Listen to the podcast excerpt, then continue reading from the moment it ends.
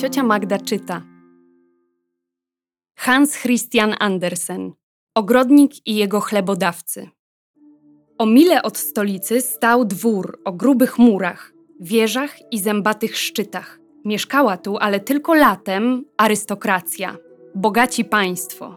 Dwór ten był najmożniejszy i najładniejszy ze wszystkich dworów, jakie posiadali. Z zewnątrz był jak nowy, a wewnątrz przytulny i wygodny. Herb wykuty był z kamienia nad bramą. Dookoła herbu i wykusza pieły się piękne róże. Przed zamkiem rozpościerał się kobierzec murawy. Rosły tam czerwone i białe głogi i rzadkie kwiaty, hodowane nawet poza cieplarnią. Państwo mieli dzielnego ogrodnika. Ogród kwiatowy, sad i ogród warzywny były tak piękne, że rozkoszą było na nie patrzeć. Z tymi ogrodami graniczyły dawne resztki starego zamkowego ogrodu z bukszpanowymi żywopłotami, które były strzyżone w kształcie koron i piramid. Za nimi rosły dwa potężne drzewa, prawie zawsze bezlistne, a tak gęsto obsadzone ptasimi gniazdami, że robiło to wrażenie grudek błota naniesionych przez wiatr czy straszną ulewę. Ale każda taka grudka to było ptasie gniazdo. Od niepamiętnych czasów gnieździły się tu kruki, wrony, była to cała ptasia wioska. Ptaki panowały tutaj, to one były tutaj dziedzicami, najstarszym, osiadłym rodem, właściwie panami dworu. Nikt z istot chodzących po ziemi nic ich nie obchodził.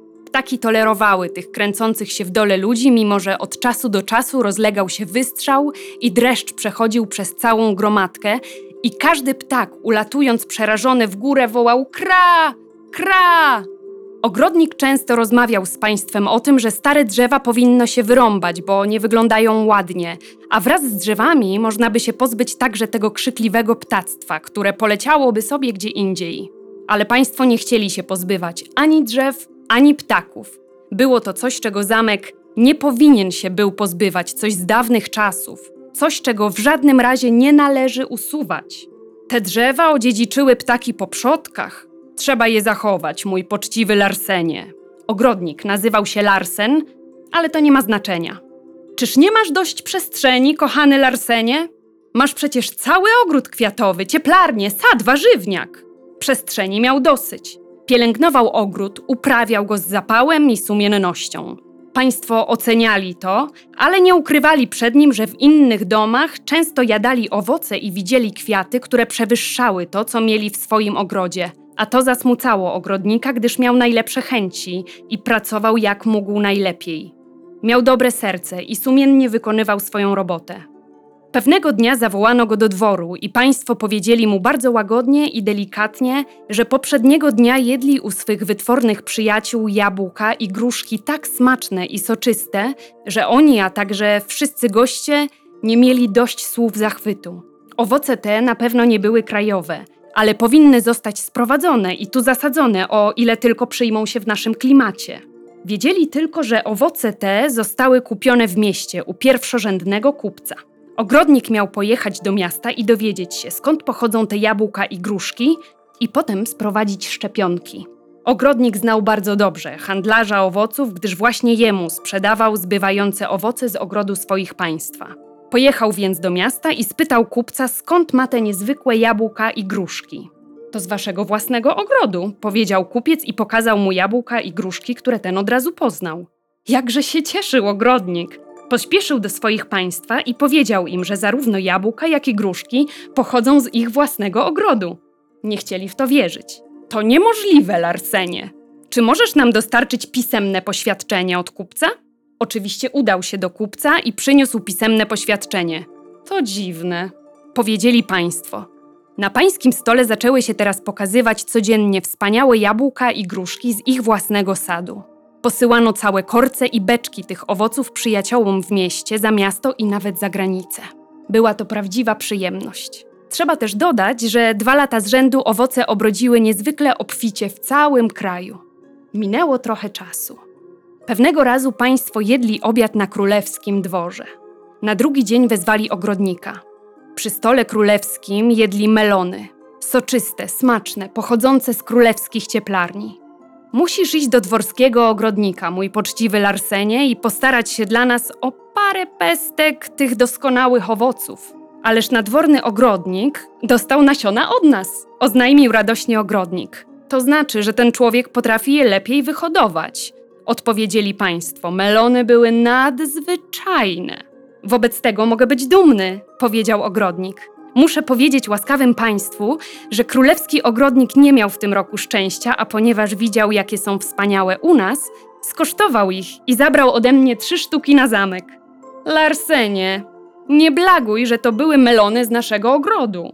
Owszem, jestem tego pewny, odrzekł ogrodnik, poszedł do nadwornego ogrodnika i dostał od niego pisemne zaświadczenie, że melony na królewskim dworze pochodziły od niego.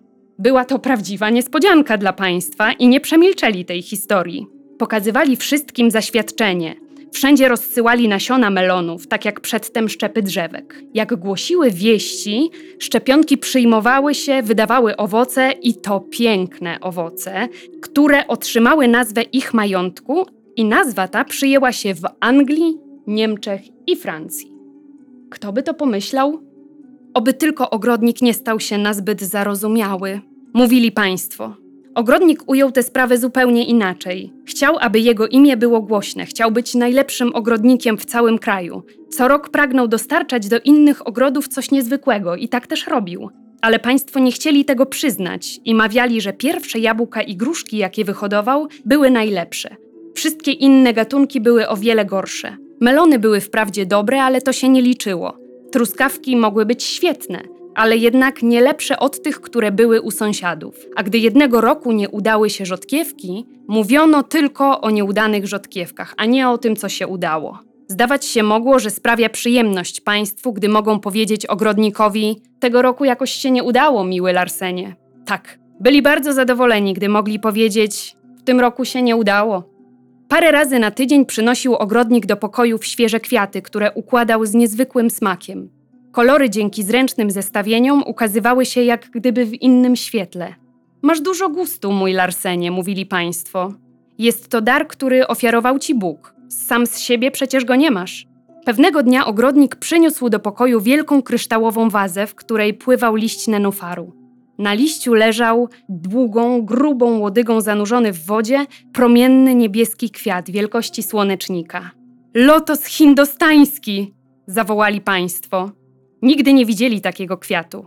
W dzień postawili go w blasku słonecznym, a wieczorem w jasnym świetle lampy. Każdy, kto go widział, uważał, że jest niezwykły. Powiedziała to nawet najwytworniejsza ze wszystkich młodych dam w kraju księżniczka, mądra i dobra księżniczka. Państwo uważali to za zaszczyt, że mogą ofiarować jej ten kwiat, i w ten sposób dostał się on do księżniczki i na zamek. Państwo poszli do ogrodu, aby własnoręcznie zerwać kwiat tego samego gatunku, o ile by się taki znalazł, ale nie mogli go znaleźć. Zawołali ogrodnika i spytali go, skąd wziął błękitny lotos. Szukaliśmy na próżno, powiedzieli. Byliśmy w cieplarni i wszędzie, w całym ogrodzie. Nie, tam go nie ma, odpowiedział ogrodnik. To tylko skromny kwiatek z warzywnego ogrodu, ale czyż nie piękny? Wygląda jak niebieski kaktus, a to jest tylko kwiat karczocha. Trzeba to nam było od razu powiedzieć, zawołali państwo. Myśleliśmy, że to obcy, rzadki okaz. Skompromitowałeś nas przed księżniczką. Zobaczyła ten kwiat u nas, zachwycała się nim, nie znała go, a ona się zna na botanice. Ta nauka nie ma jednak z pewnością nic wspólnego z jarzynami. Jakże mogłeś, mój zacny Larsenie, przynieść taką roślinę do salonu? Ośmieszyłeś nas. Piękny, błękitny, wspaniały kwiat przyniesiony z warzywnego ogrodu, usunięto z pańskiego mieszkania, gdzie nie wypadało mu przebywać. A nawet państwo tłumaczyli się przed księżniczką, że kwiat jest tylko kuchenną jarzyną, którą ogrodnik odważył się pokazać i że dostał już za to ostre napomnienie. To niesłuszne, niesprawiedliwe, oburzyła się księżniczka. Otworzył nam przecież oczy na ten wspaniały kwiat, na który my nie zwróciliśmy żadnej uwagi. Odsłonił nam piękno tam, gdzieśmy go wcale nie szukali. Dopóki kwitną karczochy, nadworny ogrodnik ma mi codziennie przynosić do mieszkania te kwiaty. I tak też się stało. Państwo powiedzieli ogrodnikowi, żeby znowu zerwał dla nich świeży, piękny kwiat karczocha. W gruncie rzeczy to bardzo ładny kwiat, mówili. Niezwykle oryginalny. I znowu chwalono ogrodnika. Larsen lubi pochwały, mówili państwo. To rozpieszczone dziecko. Jesienią zerwał się straszny wicher. W nocy doł z taką siłą, że dużo wielkich drzew rosnących na skraju lasu zostało wyrwanych razem z korzeniami, ku wielkiemu zmartwieniu państwa. Nazywali to zmartwieniem. Ale ku radości ogrodnika runęły dwa duże drzewa z ptasimi gniazdami. Pośród wycia wichru słychać było krzyki kawek i wron. Ludzie we dworze mówili, że uderzały skrzydłami o szyby okien. Teraz możesz się cieszyć, Larsenie, mówili państwo. Wicher przewrócił drzewa, a ptaki poleciały do lasu. Teraz nie pozostało już nic z dawnych czasów. Wszelki ślad tego, co było, zniknął. Dla nas to duży smutek. Ogrodnik nie odpowiedział nic, ale myślał o tym, co już od dawna rozważał, a mianowicie jakby zużytkować wspaniałe słoneczne miejsce, z którego dotychczas nie można było korzystać. Stanie się ozdobą ogrodu i radością dla państwa. Wielkie drzewa, które wicher wyrwał z korzeniami, zmiażdżyły padając prastary Bóg szpanowy żywopłot ze wszystkimi jego cudownie powycinanymi kształtami. Ogrodnik zasadził tu gąszcz roślin, pospolite rośliny z pola i lasu. Żaden inny ogrodnik nie odważyłby się zasadzić roślin w takiej ilości w pańskim ogrodzie, ale on zasadził je, dał im słońce i cień, zależnie od tego, czego potrzebowały. Pielęgnował je z miłością, a one rosły pięknie. Jałowiec, przeniesiony ze swej jutlandzkiej ojczyzny, wyrósł tu wspaniale i przypominał barwą i kształtem włoski cyprys. Błyszczący i kolczasty ostrokrzew, wiecznie zielony zimą i latem wyglądał ślicznie. Na pierwszym planie rosły paprocie wszelkich gatunków. Niektóre wyglądały jak gdyby były dziećmi palmy, a inne niby rodzice pięknej, delikatnej rośliny, którą nazywają włosami Wenus. Rósł tu pogardzany łopian, tak śliczny w swej świeżości, że mógłby zdobić bukiety. Łopian rósł na suchym gruncie, ale niżej, w wilgotnej ziemi, rósł również pogardzany podbiał, którego wielki krzak i wielkie liście tak malowniczo wyglądają. Przeflancowana z pola do ogrodu wysoka dziewanna, nabita niezliczonymi kwiatkami, wznosiła się w górę jak potężny, wieloramienny lichtarz. Rosły tu macierzanka, kluczyki, konwalia, dzika kalia i trójlistna, delikatna kończynka. Był to wspaniały widok. Na przodzie rosły przymocowane do drutu całymi rzędami małe grusze, przeflancowane z francuskiej ziemi, ogrzewane przez słońce i pielęgnowane, wydały wkrótce owoce, wielkie i soczyste, takie jak w kraju, z którego pochodziły. Na miejscu dwóch starych, bezlistnych drzew postawiono wysoki słup z powiewającą flagą duńską, a tuż obok niego drugi słup, dookoła którego latem i jesienią wiły się gałązki chmielu ze swymi wonnymi, kulistymi kwiatami. Ale zimą starym zwyczajem zawieszano tam worek owsa, aby ptaszki miały na Boże Narodzenie przyjemną ucztę. Poczciwy Larsen robi się na stare lata sentymentalny, mówili państwo, ale jest nam wierny i oddany. Na nowy rok w jednym z ilustrowanych pism stolicy ukazała się rycina przedstawiająca stary dwór.